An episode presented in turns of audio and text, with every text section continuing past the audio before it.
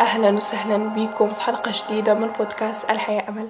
وعدت لكم من جديد بحلقة مميزة جدا. آه، إذا كنت حاس نفسك عالق أهدافك ما بتتجلى آه، نمط حياتك بيمشي على بطيء يعني أهدافك تيجي متأخرة نواياك لما تنويها ما تتجلى بحياتك وفي واقعك فهالحلقة إلك راح نبدأ. أول شي بالأسباب. أول سبب هو الخمول الطاقي. يعني السبب لكل هالشي اللي بتشعر فيه هو خمول على مستوى الطاقة.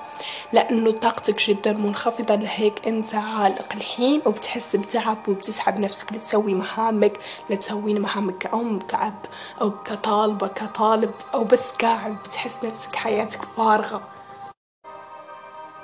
بتحس حياتك فارغة من ولا شيء ما عارف من وين تبدأ أو إذا بديت بتتراجع بسرعة بتحس بملل أه لما تسوي مهمة بتحس إنه إمتى رح خلص؟ إذا هذا هو بكل بساطة الخمول الطاقي. ثاني سبب هو التراكمات كبت المشاعر. إحنا بنعرف إذا خلينا مثلا ملابسنا ما جمعناهم لفترة بنلاقي كركبة كتير كبيرة في البيت. وفي غرفتنا ليش؟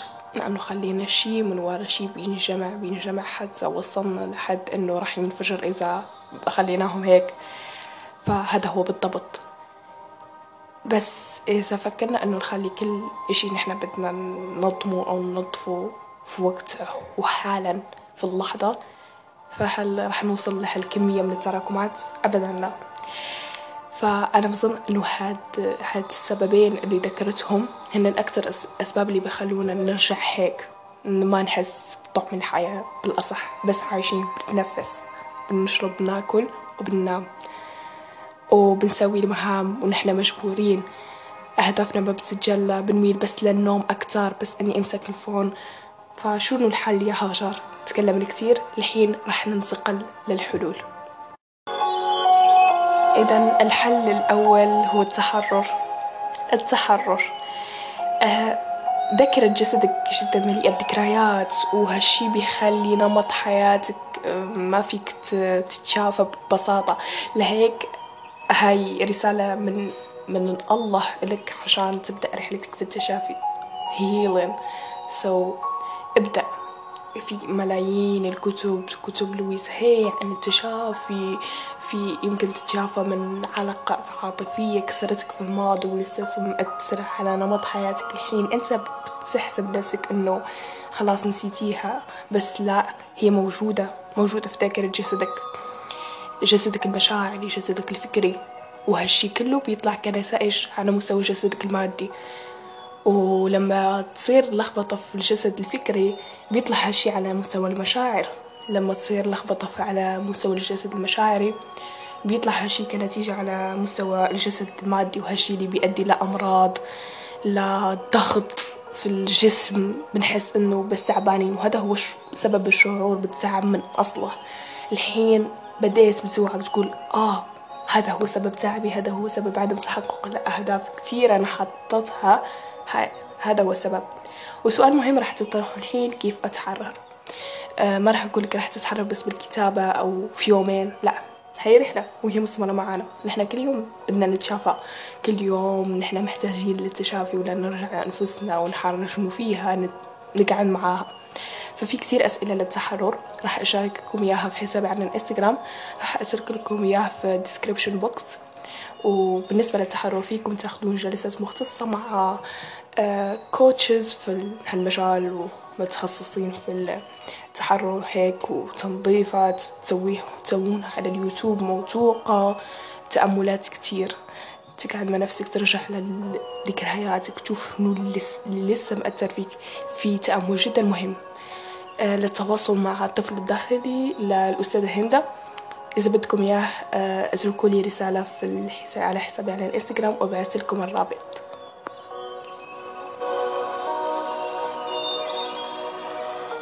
ثاني خطوة من وراء عملية التحرر هو إنك تبدأ تعيش يومك وتحدد لك مهام أنت بتحبها مهام بتسعدك ما تخلي قائمة مهامك اليوم شغل ميتينج آه، دراسة. خلي اليوم self care day so خليه بس إنه تختار مهام انتقائية جدا. إنك تسوي يوغا إنك تطلع للطبيعة تتمشى إنك بس تقعد وتسمع لنا موسيقى استرخائية وتشرب فنجان القهوة تبعك.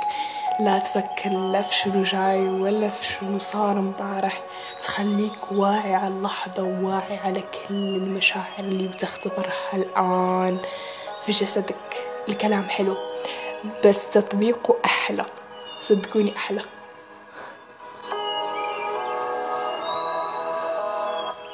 ثالث خطوة هي مراقبة مشاعر ومراقبة ذاتك.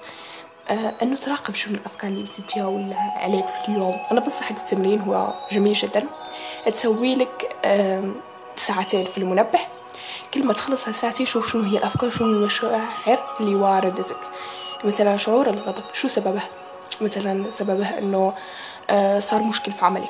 آه ليش يعني هالمشكل بالضبط؟ هي بتصير مشاكل عالية في عملك. ليش هالمشكل بالضبط؟ وراح تبدأ ترجع كتير لورا. وهاي طريقة عشان تكتشف أحداث أو معتقدات أنت بتظن أنه نسيتها بس هي لساتها موجودة.